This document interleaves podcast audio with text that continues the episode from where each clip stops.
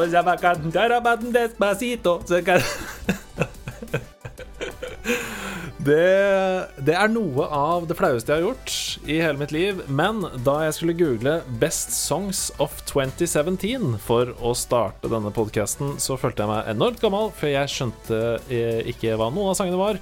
Jeg kjente ikke igjen noen av sangene som var på lista hvor det sto uh, Top 50 Most Known Songs. Prøvde å huske hvordan de var. Huska ikke. Eh, Harry Styles' 'Sign of the Times' var den derre Men det må jo være en cover, må det ikke? Jeg vet ikke. Det ble i hvert fall Despacito. Eh, håper det tok deg rett inn i den gode 2017-stemninga. Du kjenner til den? Det er den vi får på fredager, det. 2017-stemninga. Eh, med meg til å føle på 2017-stemninga så har jeg hele Norges Ferravåg, Bjørn Magnus Midthaug. Der ble det ikke en RIP headphone users. Du prøvde, du prøvde å skjule den litt. ja, Det var veldig bra. Jeg tror det ble litt rip likevel. nei, jeg, jeg, jeg ser i hvert fall på opptaket mitt at jeg ikke kom opp i kanten. Så det, det ble en god Å, vi er så gode. Eh, hvor var du i 2017, da? Det er jo ikke så lenge siden, men eh, mye kan ha forandra seg.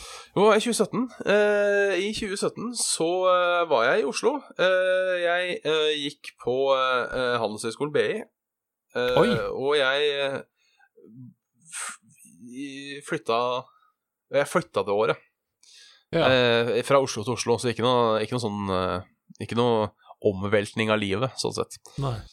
Nei, altså, du er ikke mest kjent for i Norge å ha gått på BI. Uh, hva, hva gjorde du på BI? Jeg gikk uh, kommunikasjonsledelse, eller PR og markedskommunikasjon, som det het den gangen. Ja, du, det har jeg også vurdert en eller annen gang i løpet av livet. Jeg vurderte også økonomi og ledelse, men eh, hva skjedde? Eller hva, har du, gikk du der i ett år, i to år, i tre år? Hva Nei, jeg gikk der i tre år. Eh, Å ja. Så jeg har jo graden, men eh, det viser seg at eh, dette jobbmarkedet, det, det var ikke så gøy. Så eh, nå jobber jeg med IT. Som alle andre ja. med en PC-interesse som ikke får seg jobb innen det de vil ha, så jobber de IT. Hvis sjefen Ja. hører på det her, så mente jeg ikke det jeg sa. Nei da. Eh, jeg, tror ikke, jeg tror ikke hun gjør det.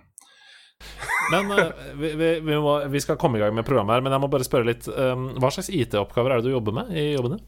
Eh, nei, du, det er Nå driver jeg med et produkt som heter eh, Handyman, eh, Ja. og feilsøker på det, og det er å eh, egentlig se gjennom hvor er programmet feiler, gå gjennom databaser, sjekke loggfiler, sånne ting. Kan være litt gøy noen ganger hvis du får en litt vrien Ja. oppgave, men uh, Jeg må ikke bare si Ja. det er så digg å være nerd og kunne sånne ting, for da har man på en måte alltid noe å falle tilbake på, uh, bare i kraft av å være nerd, på en måte. ja, det er sant. Ja. Så man har på en måte Får Ja. seg, får seg arbeid, om ikke annet.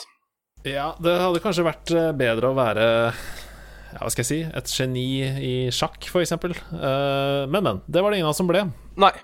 Eh, vi kommer i gang vi med spillåret 2017, for det er jo helt ekstremt. Det, det er det. Eh, Jeg elsker det året, og jeg bare kjører i gang med et spill som jeg aldri i verden turte å spille selv. Eh, Det kom også i VR, og det er jo en skam, synd og skam for verden at det kom i VR, for det går jo ikke an. Eh, Jeg snakker om den 24. januar 2017, Resident Evil 7 Biohazard.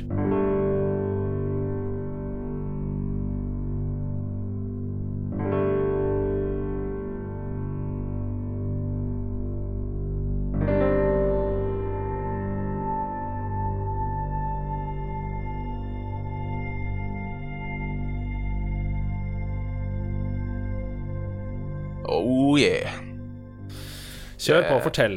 Resident Evil er et survival horror-spill. Det er alt jeg trenger å si, og så kan du si resten. Ja, nei, det er jo egentlig det. Det er et survival horror-spill. Jeg har litt sånn broket forhold til Resident Evil, for jeg likte alle de første spillene. Uh, Nei. jeg syns liksom ikke Jeg likte ikke helt den derre uh, litt clunky-nesten som mange likte, og det er inventory management og sånt. Jeg syns det var litt sånn uh, kjedelig. Mange Eh, memes av en hovedkarakter som står og løper inn i veggen og Ja. Og det, det falt ikke meg helt i smak, så jeg begynte for alvor på fireren. Det var da Ja, jeg For jeg, jeg prøvde jo alle spillene. For Resident Evil var sånn spill jeg alltid hadde lyst til å like, Mm. hvis det gir mening. Ja, ja, Eh, skjønner det. Pluss at uh, min storesøster kjøpte jo som regel Resident Evil-spillene, for hun likte de. Mm. Så da ble det til at jeg prøvde litt, jeg òg. Ja. Men uh, sjueren, altså, det var en så herlig uh, jeg, jeg føler den var Etter den skuffelsen at PT aldri ble noe av, Mm. så fikk vi på en måte i hvert fall en liten eh, Hva skal man si En liten eh, Hva er ordet jeg leter etter? En lite dose metadon eh, i form av Resident Evil eh, 7. Ja. Mm.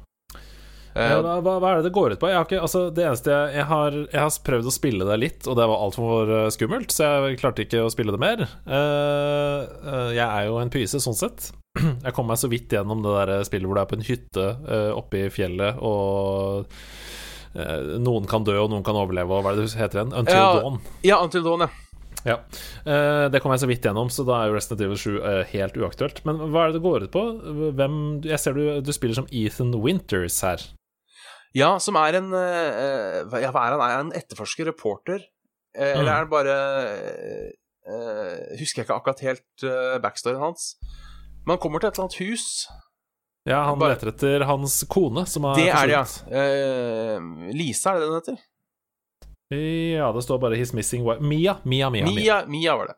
Mm. Uh, ja, du kommer til et hus som er sånn ordentlig sånn creepy spøkelseshus. Uh, sånn, sånn gammelt, skitten, sånn veldig sånn Motorsagmassakren-hus. Mm.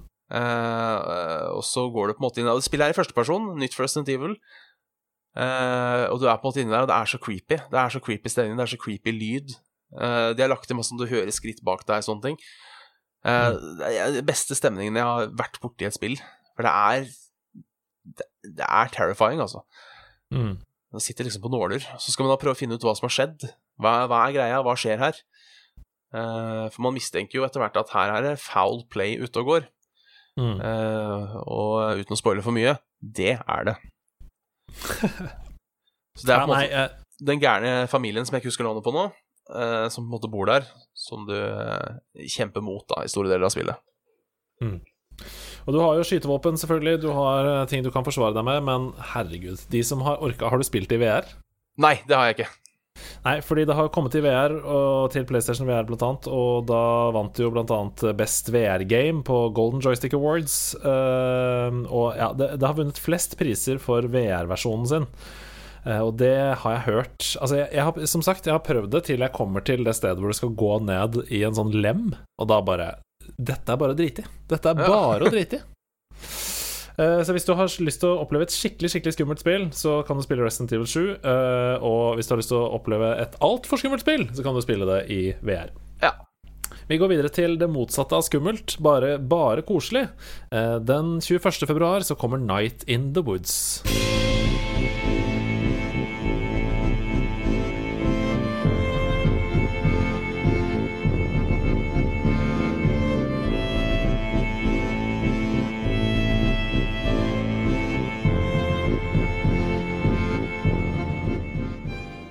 Det har jeg faktisk ikke spilt. Så Nei, her, her, må- eh, her må du ta styringa, altså. ja. eh, Night in the Woods er jo et um, Altså, man kan sammenligne det med Det er samme stemning som f.eks. Life is Strange. Ja. Eh, sånne type spill. Det er jo et singleplayer eh, eventyrspill hvor du skal utforske eh, et univers. Eh, du kontrollerer en eh, jente som heter May. Eh, og hun har jo da droppa ut av college og dratt tilbake til der hun bor. Eh, men ingenting er på en måte sånn som det egentlig hun trodde det skulle være. eh, Da hun kom dit. Og det, det er ikke noe sånn dramatisk og alvorlig innledningsvis. Det er bare det at jeg tror det er en følelse som mange kjenner seg igjen i. Eh, når man kommer tilbake og skal liksom gjenoppleve nostalgi og sånn, så er det ikke det samme. Nei. Det, sånn er det litt. Eh, Det som er spesielt med Night in the Woods, er jo at alle som bor der, er jo ikke eh, Ja, de er jo Det står beskrevet som zoomorphic humans her. Så alle er på en måte mennesker, men de er jo dyr. Ja. Uh, og det Ja, jeg vet ikke. Det er kanskje et fint grep for å ja, vise ulikheter, da. Uten å måtte liksom eh, snakke om eh, bakgrunn og hudfarge og seksualitet sånn sett og sånn.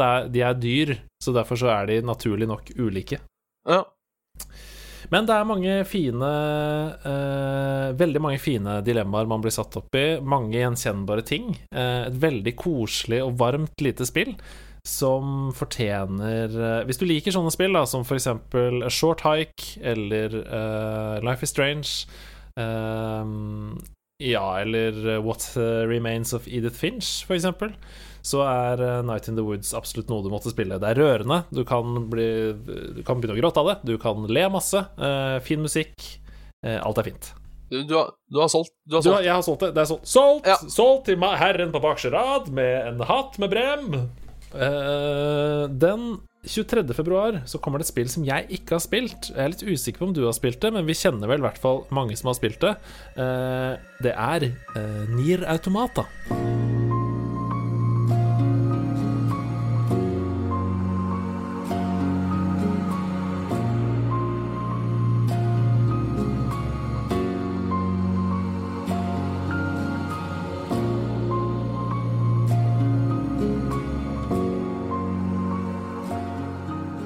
Nei, det har ikke jeg spilt heller, vet du. Nei, men Svendsen har spilt det, har han ikke det? Han har spilt det. Ja. For det er vel det, er, det, er vel det som er sånn litt sånn uh, hack and slash uh, Er det ikke det? Jo, det er et action-RPG. Ja. uh, hvor du spiller da Ja. eh, Combat Androids er det beskrevet som her. Jeg kjenner jo godt til spillet, har sett mye på det. Sett folk spille det og sånn. Jeg har bare ikke spilt det selv. Uh, hack and slash, actionbasert. Uh, ja. Og det som er unikt med Nier Automata, er jo at du kan spille gjennom det flere ganger. Ja, for der er det et eller annet. Og oppleve ulike ting. Det, det er kult. Ja, det er veldig gøy. Og det er, altså, det er meningen at du skal spille gjennom det mange ganger. Ja, for du spiller med forskjellige karakterer og sånt, er det ikke det? Jo, du spiller som disse action-androidene. Den ene heter 2B, og den andre heter 9S. Ehm, og så skjer det ulike ting i historien uh, ved ulike gjennomspillinger. Det, står, det er veldig gøy, fordi hvis du leser plottet her på Wikipedia, så er det liksom sånn The first and second playthrough follow the respective views of 2B and 9S. Then Ikke sant? Så det er sånn eh, Hele spillet forandrer eh, enorm karakter, da. Um, Ut ifra hvor mange ganger du spiller om det. Det, Spennende. Ja, det er artig. Eh, eh, sånn hack and slash sånn som det, det nærmeste jeg kommer, er Bajonetta, egentlig. Jeg har ikke vært bortpå det heller. jeg. Har aldri vært helt inne i den der hack and slash-biten. Nei. Det er, Det er gøy. ukjent farvann for meg. Jeg skjønner det, det kan, det kan virke litt sånn overveldende, for det er så mye som skjer og sånn. Eh, Men um, fy søren, så gøy det kan bli. Jeg har veldig lyst til å spille Nier Automata. Jeg vet at det er litt uhørt å på en måte være spillkjenner uten å ha spilt det, så jeg har veldig lyst til å, å spille det. Uh, Nick i Level Up har snakka mye om det. Ja, han òg var glad i det, men jeg husker. Ok, vi går videre vi til uh, et spill som kom 24. februar 2017. Ass! Det var litt av en måned. Ja. Det, Dette spillet er jeg fryktelig glad i, uh, og det tror jeg mange andre er også. Det er det lille action-adventure-spillet Hollow Night.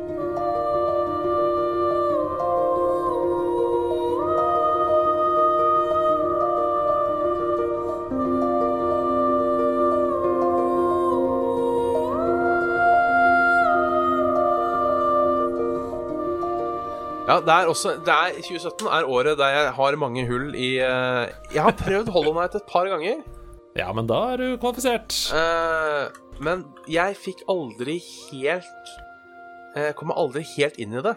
Fordi Ja, det nok, nok en gang, Level Up, Carl elsker jo det spillet. Mm. Og han sa liksom det må du spille. Og så spilte jeg, så fikk jeg liksom aldri helt Fikk jeg aldri feelingen for det.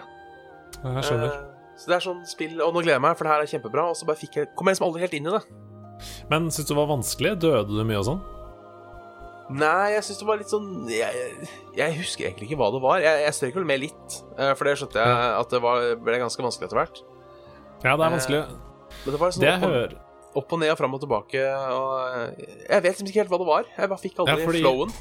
Der tror jeg nok du er inne på noe, fordi det hørt eh, Det er flere jeg kjenner som har spilt det også, som sier sånn Ja, jeg syns det var så mye Jeg visste ikke helt hvor jeg skulle gå og sånn. Nei, det kan jo jo så stemme. loka jeg masse rundt, og så ble det bare eh, slitsomt, og så eh, Så visste jeg ikke hva jeg skulle videre, og så bare la jeg det fra meg. Sånn. Ja.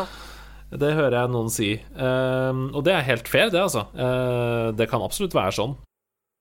Men uh, under det, hvis man ja, hva skal jeg si, enten hvis man står fast, da, bruker YouTube og prøver å komme seg videre, eller eh, står i det og eh, låser opp litt og litt mer av denne Metroidvaniaen som det jo er, eh, så er det et helt eh, magisk spill, ass, som har vært å spille gjennom for alle som liker eh, sånne ting, da. Ja. Du er Kanskje- da en Mhm. Jeg skal bare si kanskje jeg gir det en ny go en dag. Ja, det syns jeg du skal. Eh, På Switch er det en utrolig god opplevelse, syns jeg. Eh, det er 2D. Du spiller som en liten sånn insektaktig fyr som er da en ridder, eh, og har en spiker eh, som han eh, Som han slår med som Ja, eller Det er jo da sverdet, på en måte. Ja. Så er det små bosser underveis, og du blir sterkere og bedre og får nye egenskaper som gjør at du kan komme til områder du ikke har kommet til før, og sånn, du vet. Klassisk Metroidvania. Ja. Hvis du liker den type eh, spill, så er Hollow Knight et av de aller beste. Fra ett spill på H til et annet spill på H, og vi er fortsatt i februar! Oi, oi, oi. 28. februar 2017, Horizon Zero Dawn.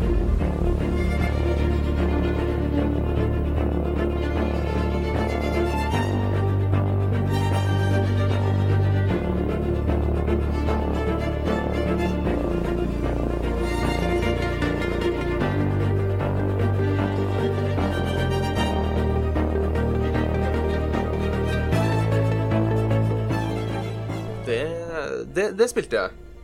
jeg spilte Deilig! Aldri, jeg spilte aldri ferdig, men jeg husker jeg, jeg likte det veldig godt. Det, det jeg spilte Mm.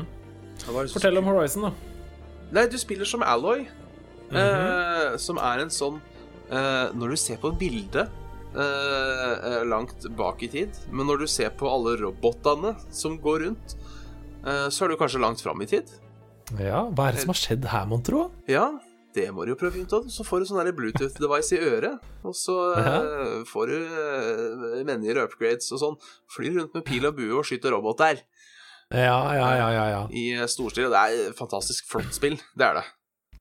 Utrolig pent å se på. Uh, og veldig unik, da, den tingen du snakker om der. Det er jo et action-RPG. Kan jo, det er jo som Skyrim eller uh, Assassin's Creed eller andre sånne type åpne Eller Breath of the Wild, uh, Ja. sånne type spill. Og du spiller da som denne hunteren Aloy um, i en slags postapokalyptisk verden.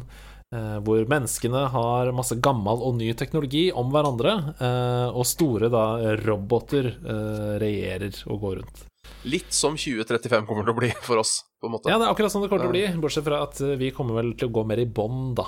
Ja. Eh, For du blir vel ikke en sånn hunter som bryter ut og løper rundt og Vet du hva, det tviler jeg på.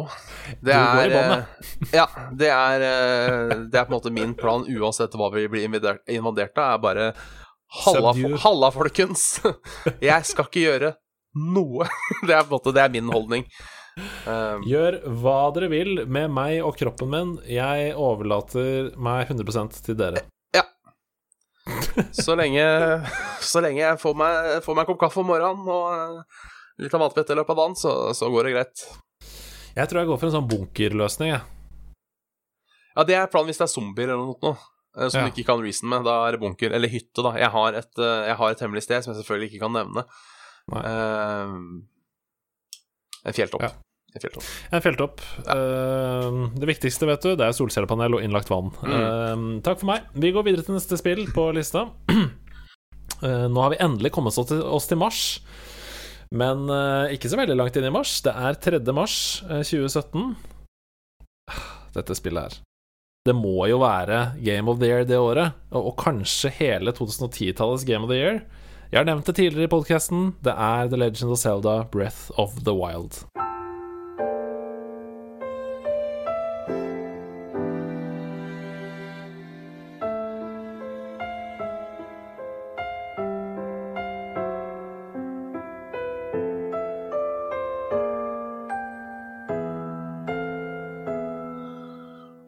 Oi!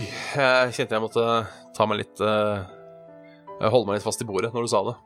Ja. Eh, Det går gåsehud nedover ryggen. Tenk at vi Ja, endelig har kommet til det stedet i Sidequest hvor vi kan få lov til å snakke om Breath of the Wild. Ja, det spillet oh. var drøyt, rett og slett. Jeg, jeg klarer ikke å beskrive Altså, det er veldig Når du hører mange skryte av en ting, da, så blir det ofte sånn obsternasig holdning som er sånn Nå skal jeg i hvert fall ikke like det sjøl. Ja. Uh, så jeg er litt sånn redd for å snakke for varmt om det også, fordi Breath of the Wild Hvis du, hvis du i det hele tatt syns noe med spilling er gøy, hvis du syns det er gøy å se på noen som spiller Tetris på mobilen, så må du spille Breath of the Wild. Det er eh, alt vi kan og vet om spill, samlet i en stor, deilig godtepose. Som er eh, kjempebra. For det, det er det er ikke for, jeg føler det ofte er problemet med godteposer, er at eh, eh, det er alltid et par biter du ikke vil ha. Og, er men men eh, den godteposen i Breath of the Wild, det er kun rekrutt og kirsebær og jordbær.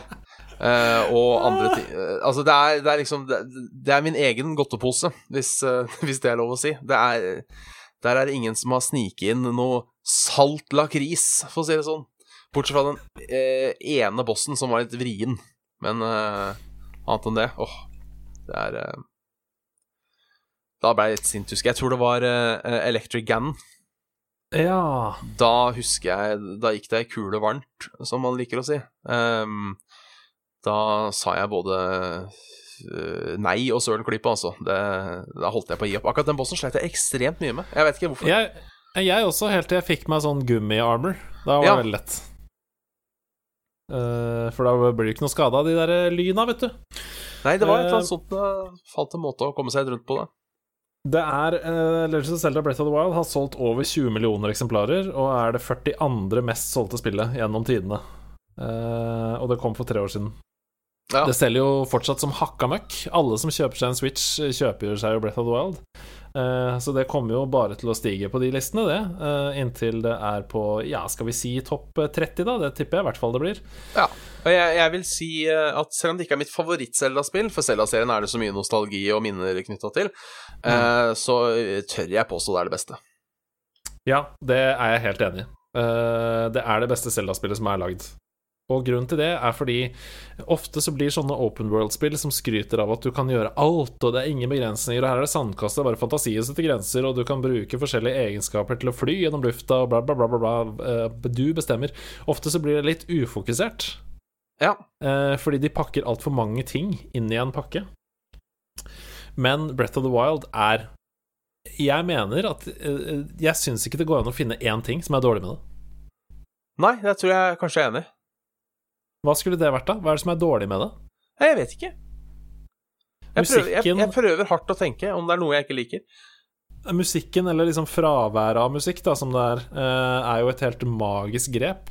For Ja. det betyr at de gangene det faktisk kommer noe musikk, så er det sånn Det tar pusten fra deg. Da veit du at det skjer Eh, noe. Ja, ja. Eh, hele gameplay-systemet med frihet for spilleren, som kan gjøre hva du vil, eh, er magisk. Hvis det er no Ok, nå kommer jeg på én ting som kanskje kan være negativt for noen. Det er ikke negativt for meg, men det kan være det for noen. Det første delen av spillet foregår jo på en måte på et platå. Ja. Og det er en slags tutorial-verden, hvor du må uh, unlocke fire shrines, vel, uh, for Ja. å få en sånn hangglider eh, som du kan såre ut av et tårn, og så er på en måte hele open worlden i, i gang og åpen for deg, da. Ja.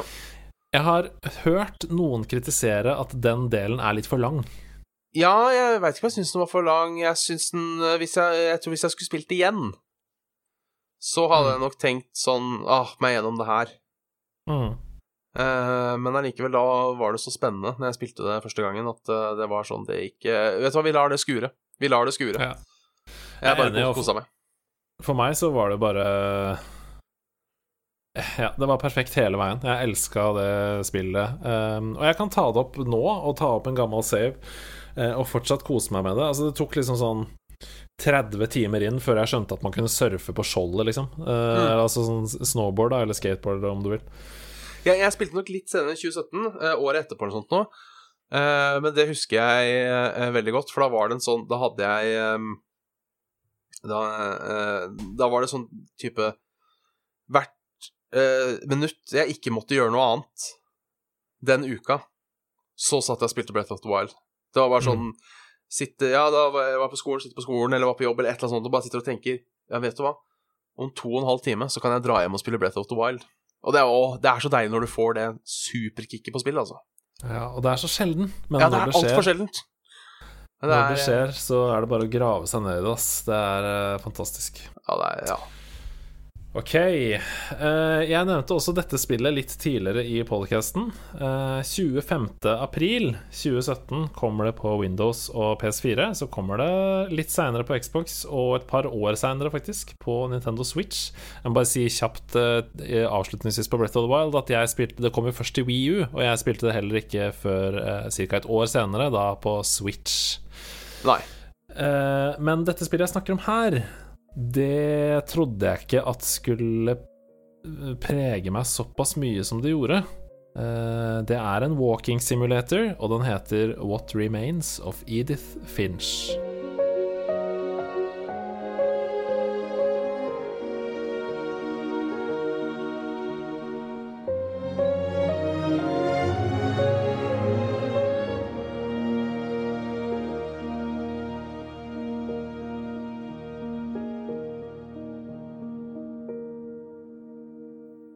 Der må jeg også melde pass, altså. Den What fikk- Remains of Edith Finch er lagd av Annapurna Interactive. Og det som er eh, magisk med Annapurna uh, Interactive, er at de lager nesten bare bra spill. Uh, de har lagd uh, Flower, What Remains of Edith Finch, Donut County, Gone Home, Journey Eller de gir ut Altså, Annapurna gir ut disse spillene, da. Ja. Uh, publisher er det, sorry. Det er lagd av Giant Sparrow. Det sa jeg veldig feil. Giant Sparrow, som utvikler, har lagd The Unfinished Swan og What Remains of Edith Finch. To Ja. av uh, Camilla sine favorittspill. Så det er jo veldig bra record. Men, men Annapurna Interactive som utgiver, de har en veldig sånn klassisk um, uh, Du ser fellesnevneren i spillene de gir ut. Det er det jeg prøver å si. ja. Og What Remains of Edith Pinch handler om eh, Edith som våkner utenfor et hus. Eh, eller hun våkner jo ikke der. Du våkner der. Du tar over kontrollen av Edith. Eh, hun er på vei hjem til hennes families hus. Og det som er sprøtt, det er at hele familien hennes er død. Så underveis mens du spiller, så går du gjennom dette huset og besøker soverommene til familiemedlemmene dine. Ja. Uh, og alle de forskjellige soverommene er jo da låst på en eller annen måte, for de er på en måte shrines uh, til familiemedlemmene sitt minne. Så etter hvert så skjønner du sånn Ok, dette er veldig spes. Er det, har hele familien vært forberedt på at alle kommer til å dø på et tidspunkt? Uh, ja, det har de, viser det seg. Eh, og når du da åpner et og et av soverommene til familiemedlemmene, så får du eh, lære masse om relasjonen til deg, altså Edith, eh, og hvordan da familiemedlemmene dine har dødd i ulike settinger. Det er veldig, veldig rørende. Jeg blir litt sånn i stemmen av å snakke om det. For Edith er jo selvfølgelig veldig prega av dette her. Um, og du ser jo gjennom hennes øyne hele tiden. Um, ja, det er et eh, kjempefint spill om hva det vil si å være menneske, egentlig. Um, og, og masse om hva relasjoner har å si for deg. Og så er det litt puzzles der, og ja. Du kommer fint gjennom det på én playthrough, uh, og det anbefaler jeg alle som er glad i spill, å, spille.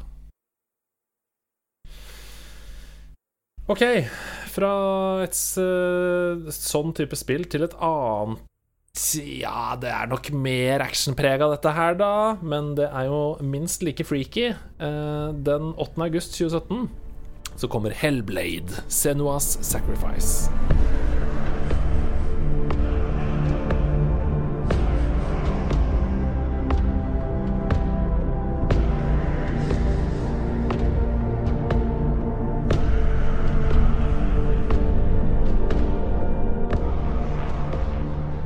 Det er, det er sånn jeg har hørt det er så kjempebra, og så står det Det står på den skamlista mi, som jeg kaller det. Uh, som er sånn sp- spill jeg vet Jeg virkelig vet jeg burde spille. eh, Mm. Som jeg bare ikke har satt av tid til å spille. Så det, Mm. det står på skamlista mi. Hellblade det er jo et veldig veldig mørkt uh, fantasy action adventure-spill. De har beskrevet det selv som et independent triple A-game. ja. Det syns jeg er en fin, fin beskrivelse. Og det handler jo om uh, Det handler jo på en måte om to ting, men det handler om Senua. Og Senua er en kriger som er på vei til Eh, Helheim, som vi kjenner fra norrøn mytologi, ja. For å redde sjelen til hennes døde kjærlighet, da, som heter uh, Dillian. Uh, og Senua uh, kjemper seg da gjennom Helheim, på en måte, for å At ikke Hela, som er gudinnen i Helheim, skal ta sjelen til Dillian. Men det er på en måte bare spillet på overflaten. Fordi det spillet egentlig handler om, det er jo eh, psykose, eh, depresjon, psykiske lidelser. Fordi spillet er utvikla i samarbeid med eh, mennesker som har hatt, eller har, disse diagnosene. Ja. Så du, det står I første frame av spillet så står det eh, du må spille dette med headset. Eh, og så tenker du OK, da tar du på deg headset, da. Og så skjønner du at du er inni hodet til Senua, som du spiller som, eh, og du hører stemmer, blant annet. Og de kommer fra alle steder i headsetet, det er sånn 3D-lyd. Um, og det føles For første gang i mitt liv så følte jeg at jeg virkelig opplevde hvordan det er å være i en psykose. Ja. Eh, det er blant annet en eh, professor som heter um, eh, Charles Ferryhow, uh, som er ekspert på da voice hearing, som det heter, ved psykosepasienter. Som har vært med å utvikle spillet. Uh, så det, det, det, beskrives som en én-til-én-opplevelse av å ha dype psykiske lidelser. Og det er ganske sjukt. Ja, det er jeg holder på å si det er saker, men uh, i en litt annen setting. det... Ja. det er et veldig viktig spill, uh, og jeg tror det bryter ned ganske mange barrierer for folk som er friske. For å forstå hvordan man har det. Det er ganske mye schizofreni inne i bildet her. paranoid oppførsel og sånne ting. så selv om gameplay er liksom slåssing og fighting og sånn, så du kan f.eks. være i en ganske sånn eh, heavy fight, da, hvor du har lært deg mønsteret til fienden og sånn, eh, og du prøver å slåss og sånn, og så plutselig så begynner du på en måte å skade deg selv uh, isteden. Det er litt sånn wow, da, da, blir du dratt ut av det at det er et spill, da. Ja. Uh, ja. Nei, det er et fantastisk fantastisk spill, et kjempe, en kjempebra opplevelse. Og det kommer en oppfølger nå, vel, uh, til PS5, tror jeg. Ja, det skal det komme. Så det blir spennende. Fra uh, mørket og dypt nedi Hellheim så skal vi til eh, Åh, dette var så eh, overraskende for meg. Jeg ble så glad da dette spillet kom. Eh, jeg hadde ikke Jeg så det ikke komme i det hele tatt, men fy søren så glad jeg ble. 15.8.2017, Sonic Mania. Ja. Er du en, ja. en Sonic-gutt? Mm? Hva sier du? Hva sier du? Er du en Sonic-gutt?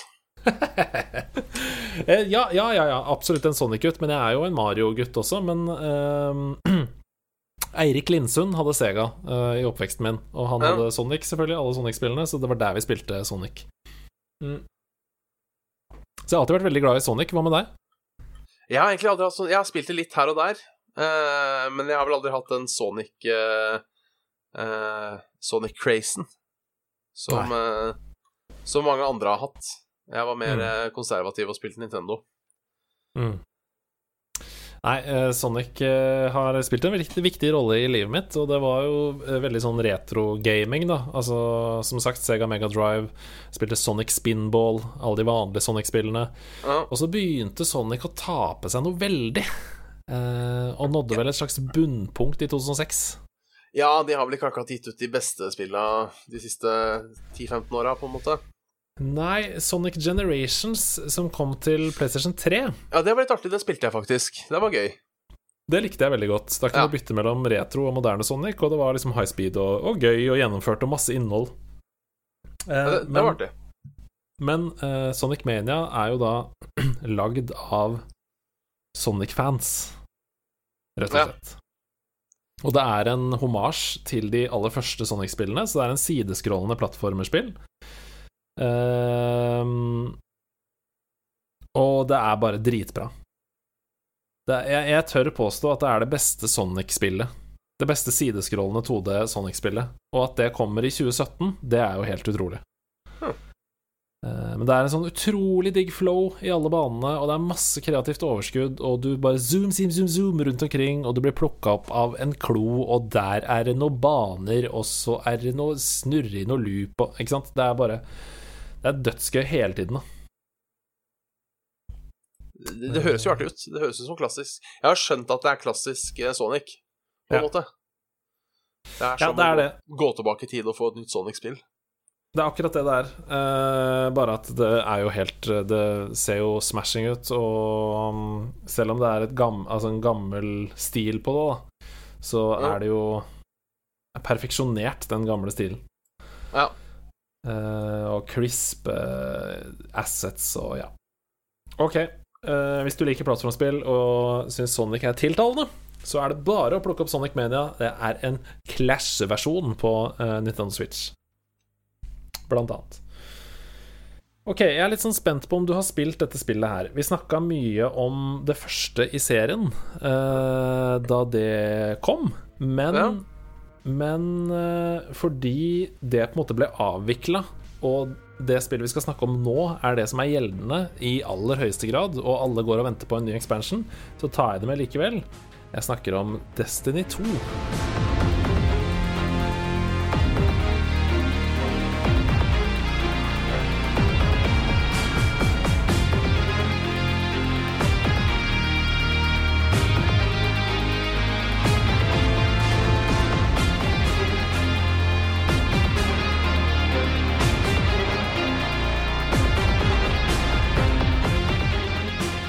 Ja, det, det, Destiny 2 var en ordentlig skuffelse for meg.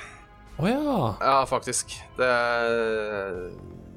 Det var eh, Jeg vet det er mange som er enige Jeg vet det er mange som både er enige og uenige med meg, men jeg syns det var eh, Møkk er feil å si, men eh, jeg tror jeg spilte til level 14 eller noe sånt sammen med en kamerat. Og så mm. fant vi egentlig begge ut at vet du, det her er ikke Det her er ikke noe gøy. Og det var Da var jeg skikkelig skuffa. Nå var jeg aldri sånn super blodfan av eh, Destiny 1 heller, men jeg syns det var artig. Mm. I hvert fall når man spilte det sammen med folk. Men eh, Nei, Destiny 2 det, det traff meg virkelig ikke i hjerteroten, altså. Nei, fortell. Hva, hva var det som var problemet? Det første problemet, og det her var det virkelig store problemet, var at uh, Jeg husker dagen veldig godt. Uh, det var jeg og en kamerat, uh, hei Tord, eh, som var eh, Vi kjøpte det vi, Jeg husker ikke om vi kjøpte det sammen, eller om vi liksom på en måte prata på Messenger at eh, 'nå stikker jeg og kjøper, har du kjøpt det?' Eh, og liksom skal spille sammen. Eh, og så setter vi oss ned og installerer spillet. Og liksom jeg vil bare, Det er ikke så viktig, men det var et klistremerke på coveret, husker jeg veldig godt, hvor det står Ops, eh, only online play. Eh, og så Mm. starter hele spillet med en sånn tre timer solosession. Og det var Det var liksom Det satt standarden for meg, da. Eh, at yes, nå skal vi ha det eh, gøy å ha med venner. Uh, spiller vi oss gjennom den, spiller litt sammen, og så syns jeg rett og slett det er så kjedelig. Mm. Uh, og jeg syns, alle missionene var bygd opp på den verste historiefortellinga jeg vet om. Uh, og det er Nå skal jeg gå og hente meg en kopp kaffe. Oi, det var ikke kaffe her. Da får vi gå på butikken og kjøpe kaffe. Og så Yes, der er butikken. Å nei, butikken er borte. Ja, da får vi ringe Asko. Ja, hallo, Asko. De svarer ikke på Altså den derre hvor du har et mål, og så er det bare Det fins ikke. Så Ja. du får et nytt mål, og det fins ikke. Jeg syns bare alle missiona var sånn. Eh, og så fant du endelig litt kaffe, og da måtte du bare stå eh, i et kvarter og vokte kaffen fra masse rare vesener, og så fikk du deg en kopp kaffe. Og det var Jeg syns det ble kjedelig, altså. Det Mm. var liksom så forutsigbart og hele greiene. Nå prøvde jeg aldri raids og sånne ting, eh, men jeg mener jo at eh, skal man komme til et raid, så må jo veien dit være litt morsom. Ja. Jeg var rasende på Destiny 2. Uh, veldig, veldig lenge. Fordi jeg spilte ikke noe særlig Destiny 1. Uh, og så brukte jeg to timer av livet mitt på å se meg opp på en sånn law-movie. Ja. Før Destiny 2 skulle komme, for vi var liksom en gjeng. Det var jeg og Sebastian Brunestad og Hasse Hope og uh, Vi var liksom en gjeng på fem-seks stykker som skulle virkelig Destiny 2 skulle bli vårt nye spill. Ja. Uh, så jeg hadde brukt mye tid på det, og så begynte vi å spille det, og så hadde vi nøyaktig den samme opplevelsen som du snakker om her. Vi syntes det var dritkjedelig. Ja. Vi syntes det var dårlig historiefortelling. Uh, og vi følte at det eneste vi brukte tiden vår på, var å bullet sponge oss gjennom masse uinspirerte fiender. Som bare Det handla bare om å skyte og se noe tall, liksom Mm. Som kom på kroppene deres. Eh, og det føltes så eh, Det var så skuffende. Det var så stor skuffelse, liksom. Men eh, Hasse trakk seg. Han sa 'dette gidder jeg ikke å bruke tiden min på'. Eh, det er jo fuckings bedre gunplay i Overwatch, sa han. Oi! Eh, og, etter, og det var etter sånn type 15 timer, altså, så det var ikke sånn at vi ikke hadde brukt masse tid. Ehm, alle de andre trakk seg. Sebastian og jeg fortsatte. Og jeg var fortsatt sur, og Sebastian måtte leve med at jeg kjefta på han hele tiden. For jeg sa 'hva er det du har fått med meg inn i? Dette er dritt', liksom. Ja. Uh, og så sakte, men sikkert, da, etter sånn 20 timer 30 timer, uh, hører du dette? Man måtte spille 30 timer. Så begynte det å bli gøy. og det var liksom Når vi hadde eh, maksa levels, og vi kunne begynne Og det første raidet åpna, og vi da plutselig var seks stykker som alle var raid-klare og sånn Jeg mener det. Jeg hadde kanskje hatt det gøy i én time av de første 50 timene. Ja. Det mener jeg, ass. Da eh, skjønte jeg hva det spillet handler om. Og da var det Og artig. Og det er dessverre sånn at du må bruke 50 timer for at det skal bli gøy. Ja, for- jeg, jeg syns ikke det er et godt selling point, altså. Nei, det er ikke det i det hele tatt. Og så kom jo den store expansion som het uh, Forsaken, og rydda opp i alle problemene og gjorde det veldig mye mer spennende. Du kunne på en måte da bare, bare begynne rett på der hvor det er gøy, uh, og få karakteren din opp til riktig level umiddelbart, ikke sant. Ja. Eh, og da hadde du masse kult innhold og sånn, men de første 50 timene for meg var bare dritgrindy og kjedelig. Uh, men jeg spiller fortsatt masse Destiny 2. Jeg syns det er kjempegøy. Uh, jeg gleder meg veldig til Beyond Light, som er den neste expansion som kommer. Ja. Eh, og det er uh, gøy i PVP, det er gøy i PVE, og det er masse, masse masse innhold tilgjengelig. Uh, og eh, det første jeg snakka om her, var jo mitt inntrykk da det kom i 2017. Uh, det er ikke sånn nå. Hvis du plukker opp Destiny 2 og spiller nå, så er det et veldig bra spill med masse innhold som du kan få mye av med en gang. Men jeg deler absolutt din opplevelse at det var dritkjedelig da det kom. ja. Oi, oi, oi, oi. Vi skal videre til et um, Er det det beste RPG-spillet som er lagd gjennom tidene? Mange mener det. Det kom 14.9.2017. Jeg spilte det ikke før i år. Det er Divinity Original Sin 2.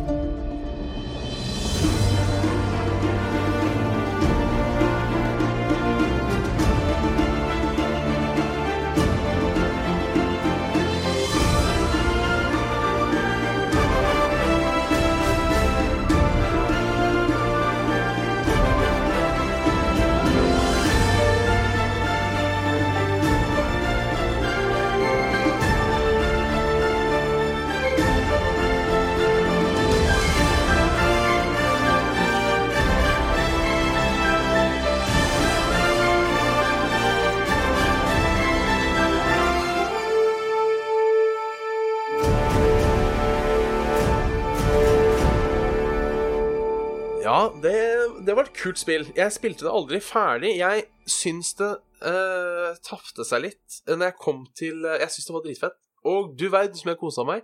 Men så syns jeg det falt litt sammen når det kom til akt to. Ja. Syns jeg på en måte Da ble det bare sånn blah. Ja, for jeg har ikke spilt det ferdig ennå. Vi har en uh, spiller på landslaget som heter Sneak, eller Hans. Um, og han gifta meg Divinity 2 fordi han sa Du som er så glad i RPG, er, er det mulig at du ikke har spilt dette? Ja, Uh, det var så, ja, det var mulig, det.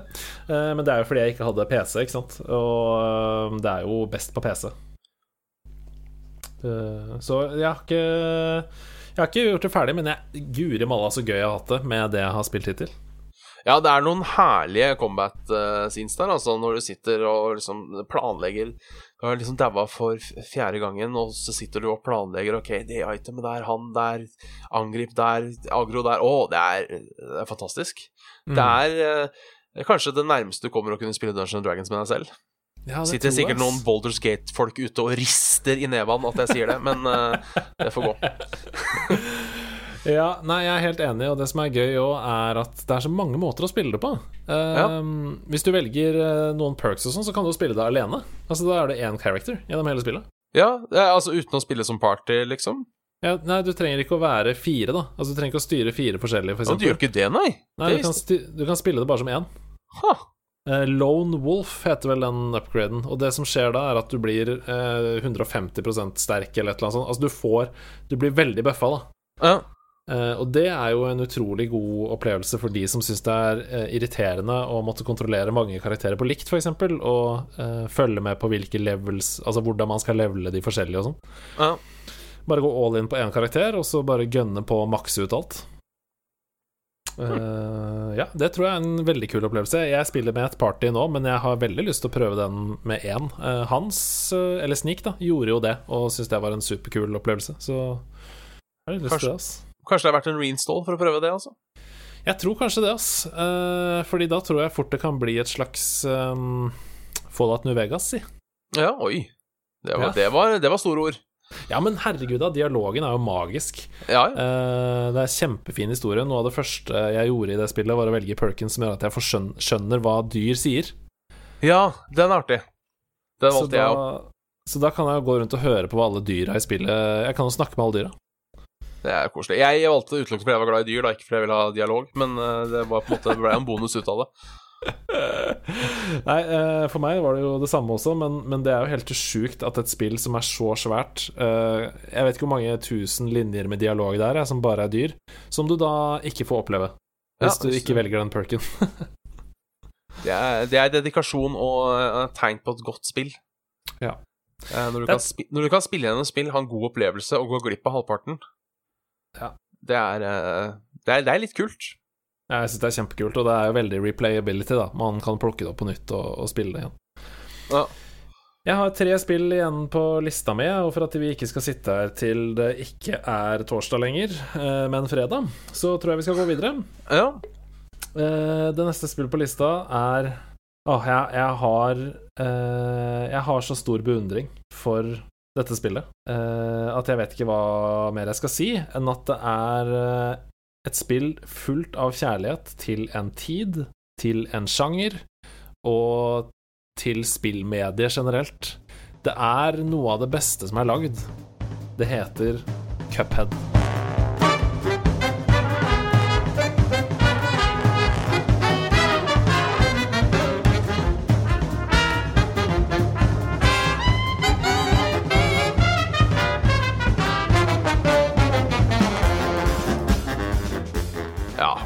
Det var Og er godspillet sitt, det. Ja, fy søren. 29. september 2017. Eh, så kommer Cuphead, og det er da et run and gun eh, videogame, som er da veldig inspirert av på en måte filmstilen vi hadde på Er det 20-tallet, da? Ja, det er jo sånn 2030-tallet. Sånn Steamboat og Willy eh, kan, jeg, kan vi jo sjekke, siden jeg sitter her med Google-maskina. Oh, ja, Når var det deg. Ja, ja, ja. Når var det Steamboat Willy kom? Tipper 1928. 29. 28, så der var du. Oh. Faen. Og Du, vet du hva, til og med 18. november 28, så det er jo så nærme 29 som du kan komme. papi, mami. Ok, uh, men fortell om Cuphead. Ja, det er som å si et run and gun uh, uh, Run and gun-spill, plattformer. Du spiller som Cuphead eller broren hans Mughead, Mugboy, et eller annet, eh, som har Mugman. solgt Mugman er det, ja. Eh, som har solgt eh, Rett og slett solgt sjelen sin til djevelen, eller noe sånt noe. Ja, de taper den vel i kortspill. Ja, det gjør de. Taperen gjør de. Eh, Mm. de, de taperen. Eh, så du skal prøve å få tilbake den. Eh, og da sier, da sier han gamle Erik sjøl at ok, men da jeg har et par andre kontrakter som ikke har blitt innbyrdet. Så hvis du skaffer de, så går det bra. Så da må du ut og fighte. Det er jo egentlig bare Det er jo noen brett som er eh, eh, i mangel av bedre ord, klassiske brett, på en måte, hvor du går gjennom, men det spillet er jo bare bossfights Mm. mer eller mindre. Det er det som er cuphead. Det er masse bossfights. Uh, tenk deg på en måte Tenk deg gode bossfights fra 90-talls uh, side-scrollers. Mm. Det er spillet, bortsett fra at det liksom er bedre. Og det har en stil som er så kul og gjennomført at uh, det skulle ikke vært lov. Art Ja, directoren bør bli arrestert, faktisk, for det skulle ikke vært lov å gjøre en så god jobb som han har gjort. Eller er jo- henne. Det vet jeg Ja, ikke. eh, det, jeg tror faktisk det er en del kvinner involvert, for jeg har sett på noe sånn eh, behind the scenes her, og det er jo kjempebra. For det er ikke Ja. så veldig mange av dem i spillbransjen, så det heier vi på hver gang det kommer en kvinne inn i spillbransjen. Men ehm, eh, jo, det er jo da sånn veldig uh, tro mot tiden det er satt til. Det er sånn deilig jazz-soundtrack. Uh, og eh, Det er sånn, er sånn 1920-talls eh, eh, alle er glad på en måte. ja, ja, og dansere med sånn hulaskjørt i bakgrunnen, som, eller sånn bastskjørt. Ja. Eh, det er veldig, veldig um, jazzete. Det er litt Eh. sånn eh, kan si, Felix og Skipperen og likt. Det er litt den stilen, på en måte. Ja, helt riktig. Og eh, alt er jo håndtegna. eh, og håndfargelagt før det da er skannet inn. eh, Ja. Frame for frame for frame for frame for frame. Og det er jo helt lættis mye jobb! Eh, Ja, det Ja, nei, De må ha jobba med det i 140 år. Begynt det i 2010, så jobba med det i sju år. Ja. Det, det, det synes. Det synes. Eh, en litt sånn fun fact her um, om Cuphead. For det kom jo til Nintendo Switch i august 2019. Nei, i april 2019, sorry.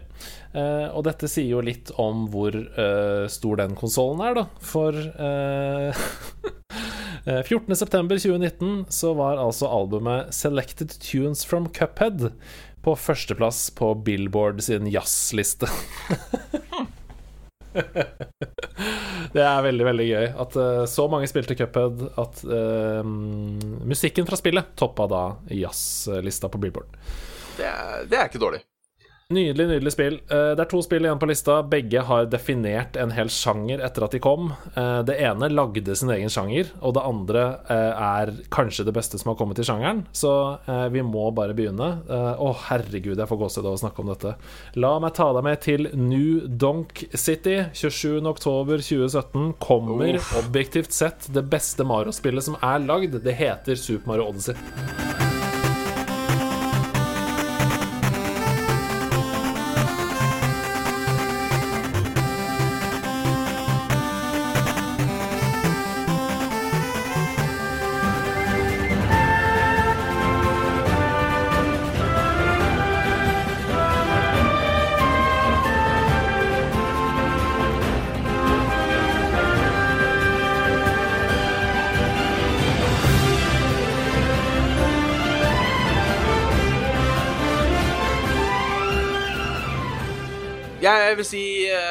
Jeg holder fortsatt en knapp på, eh, på Galaxy akkurat der, men eh, jeg skal la Ja, deg men det få lov syns jo jeg til å!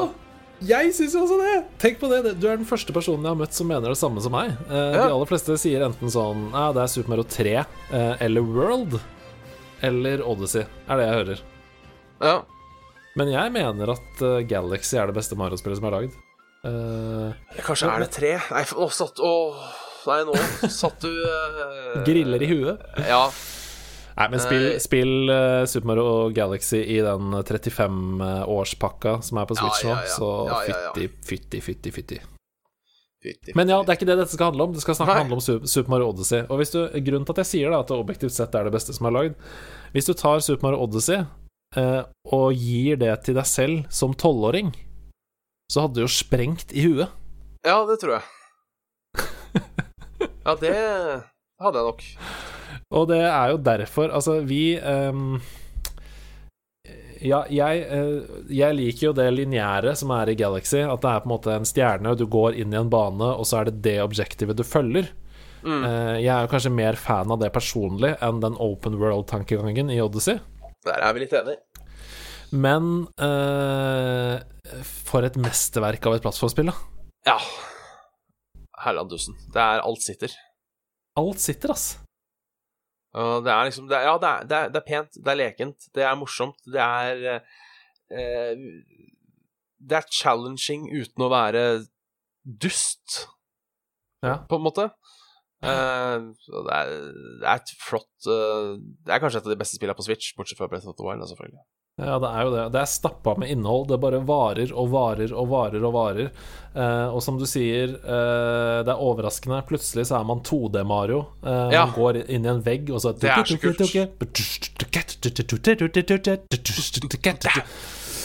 Åh, og ja. Ja, det, har ni, Stas. det har 97 av 100. Ja, ja, du kan du, Altså, det har 97 av 100 på metakritikk. Uh, det blir nesten ikke bedre enn det. Uh, du kan ta hatten din. Det var jeg veldig skeptisk til første gang jeg hørte om det. Sånn, ok, hva er det de gjør med Mario nå? Du kan Ja. morfe inn i hva du vil, du kan bli en lyktestolpe, du kan bli hva du vil, og ikke minst, man skal til en helt vanlig menneskeby med mennesker i. Hva skjer? Det var litt rart. Ja. Men det var ikke Eh, rart da jeg spilte det. Nei, men det var litt rart. det var, jeg mener, det var litt rart. Jeg, jeg må Jeg syns det var litt rart jeg spilte da, at det var ordentlige mennesker. Jeg syns det var litt rart. Jeg syns det er gøy å hoppe på hodene deres jeg er rundt i New Donk City mens det er eh, storbyjazz i bakgrunnen. Det var jo det, men det er, det er litt sånn eh, eh, jeg jeg har, eh, en, en jeg kjenner eh, Vi snakka om rare ting på brødskiva, og han Ja. sa at en av hans favorittkomboer var, hold deg fast, sjokade og makrell i tomat. Nei da. Nei, nei, nei, nei, nei. Og det spiste han på matpakka mange ganger, det er ikke kødd engang. Uh, og en gang, så smakte, en gang så smakte jeg på det, og jeg vil ikke si det var godt, men det var ikke ille. Men jeg føler fortsatt litt at uh, vanlige mennesker i Mario er litt sjokade på makrell i tomat. Det er, det er bare rart. Det er et eller annet som på en måte er Det er noe feil. Jeg sier ikke at, jeg, sier- jeg sier ikke at det er gærent, men det er noe som skurrer her, altså. Ja. Uh, Syns du da også uh, themesangen 'Jump Up Superstar' uh, med swing-tema Syns du det også var litt rart? Nei, det er jo dritfett. Uh, og jeg er glad i musikk, og er det en ting jeg alltid har vært spesielt glad i musikk, så er det når man kan høre forskjellige deler av en sang separert, og på en måte legge på neste delen oppå. Så det når du skulle samle de musikerne Ikke sant, henter du bare bassisten, så bare Dritgøy. Så finner du trommen, bare det, det, det var dritkult. Eh, jeg skulle, eneste jeg savner, jeg skulle ønske du kunne gjøre det flere ganger, så jeg kunne putte det inn i forskjellig rekkefølge. Litt som laserne fra Portal. Selvfølgelig. Selvfølgelig skulle du ønske deg det, men når man da kommer opp på taket der, og det er festival, og hele bandet spiller, og du eh, Altså, du, du hopper deg gjennom Jeg får gåsehud når jeg snakker om det. Du hopper deg gjennom på en måte en triumfbane av en plattformbane. Det er bare Det renner over med coins, og jazzbandet spiller på fullt volum, og det er bare Det ender opp med stjerner og måner og Ja. Det er helt magisk. Helt magisk. Det er fantastisk. Så til det siste spillet på lista. Vi har mye å takke det for, og jeg tror ikke man kan eh, overdrive dette spillets betydning i eh, spillmediet i 2020. Fordi det er et spill som, om ikke fant opp, så i hvert fall kommersialiserte og eh, gjorde en hel sjanger til allemannseie. Jeg snakker om sjangeren Battle Royale, og jeg snakker om Player Unknowns Battlegrounds.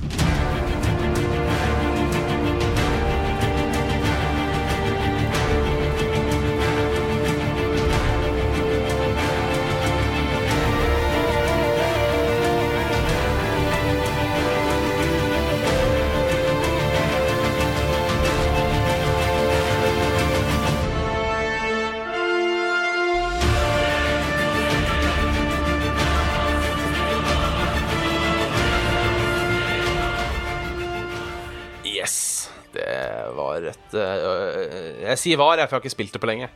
Uh, et herlig spill. Pubg, altså. Eh, Det var- det første. Royale, ja, det første Battle Royale i stor skala, som eh, da også fortsatt er et e-sportspill på høyt nivå.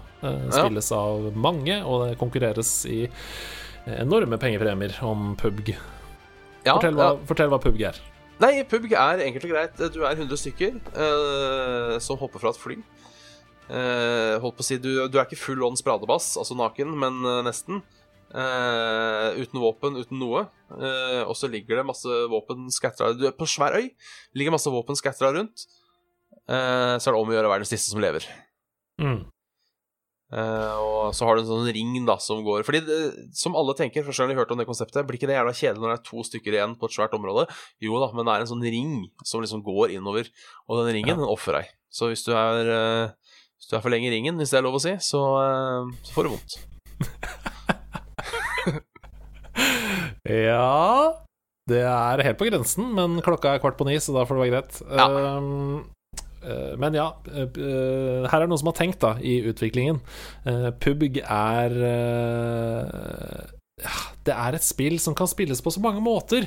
Det er på en måte det ultimate uh, sandkassespillet. Du kan gjøre så mye Altså, du får bare et sett med verktøy, og så kan du spille det akkurat sånn som du vil. Uh, og det er tusen måter å vinne på.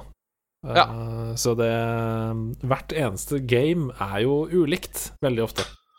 Ja, og nå har jo alle har jo Battle Royale i spillene sine nå. Mm. Så bare si litt om hvor mye det har tatt av. Ja, eh, hvis vi går på Most Played eh, Video Games by Player Count, Så hadde Så- det rekorden på Steam en gang, i hvert fall, husker jeg. så Men det ble er det fortsatt verdens mest spilte spill. Oi. På det meste 734 millioner spillere. Det er ikke dårlig. På andreplass ligger Dungeon Fighter Online med 700 millioner. Eh, på tredjeplass så ligger Pacman Doodle med 505 millioner. og så er det Candy Crush og Tetris og sånn på 500 millioner. Eh, men eh, ja. Vent nå litt her. Det er ett spill som er foran, faktisk. Det er ett spill som er foran. Det var Wikipedia som lurte meg her. Det er ett spill som er foran. Det har en milliard spillere. Og det er Crossfire, heter det. Aner ikke hva det er. Det er uh, tactical shooter, uh, populært i Kina og Sør-Korea, selvfølgelig. Ja. Det er, eh, tenk deg, det er Hvor mange er vi nå? Det er en åttendels av verdens befolkning. Tenk på det. Verdens Det er- mest spilte spill er det ingen som har hørt om, fordi det er bare i Kina. Ja. Nei, men altså, tenkte, altså, for det tenkte jeg eh, Når jeg så eh, Jeg husker ikke hvilket år det var. eh, en eller annen finale i VM, så Mm. var det estimert at det var ca. litt over én milliard mennesker som fikk med seg eh, den. Og det er, det er sjukt å tenke på om det er en fotballkamp eller om det er et spill. Mm. At det sitter liksom uh, over 10% av jordas befolkning og gjør det På samme. Det er, jeg, det er både mind-blowing og uh, kult på samme tid. Det er jo et sånt filosofisk eksperiment. Hva hadde skjedd hvis alle på jorda hoppa på likt? Uh, Det, det er tror jeg noen har regna på. Ja, for det er jo litt sånn også. Eh, Hva hvis alle på jorda hadde sett på samme ting på likt? Ja. Ok, uh, nå roter vi oss langt bort her. Tusen takk for at du har valgt å bruke den siste timen med å høre på uh, Bjørn Magnus og meg snakke om eh, 2017, spillåret 2017. Det var et kjempegodt år. Hva syns du, Biabis? Det var, det var, jeg har glemt hvor, hvor godt det var. Jeg, jeg flikka jo opp lista eh, før jeg satte meg ned, og det var bare sånn Å ja, var det, ja. Og det, og det, og det, og det, og det. Og det Ja, det var rart òg. Så det er liksom Ja, det er eh, drøyt. Eh, jeg vil få, kan jeg få kjapt plukke ut to spill jeg er glad i? Ja. Eh, jeg skal ikke si så mye om det. Det er Wolfenstein 2, New Colossus. Mm. Måtte stryke det. Jeg har spilt det òg, men jeg måtte stryke Ja. det fra lista. Hadde ikke tid. Uh, og så er det uh, fra min Guilty Pleasure-serie, som jeg liker å kalle det, for det er egentlig ikke så veldig bra spill, Sniper Elite 4. Ja, det er også kjempebra. Eh, og det måtte jeg også ta vekk fra lista. Og det er mange andre her. Altså, skal vi ta en liten sånn kjapp uh, roundup på slutten av noen uh, spill som, hvis vi hadde hatt en time til, vi kunne snakka om? Ja. For da har du f.eks. Uh, hvis vi begynner på toppen da så av lista som de jeg strøk i siste liten, så har du f.eks. Prey. eh, spillet til uh, Arcane og Bethesda. Du har Persona 5, har vi ikke snakka noe om. Du har et lite puzzlespill som heter Everything, eh, som var kjempebra. Du har um, eh, Hva annet er det her, da? Assassin's, Assassin's Creed. Origins har vi ikke snakka om. Eh, XCOM 2 har vi ikke snakka om. Kjempebra spill. Eh, Nio har vi ikke snakka om.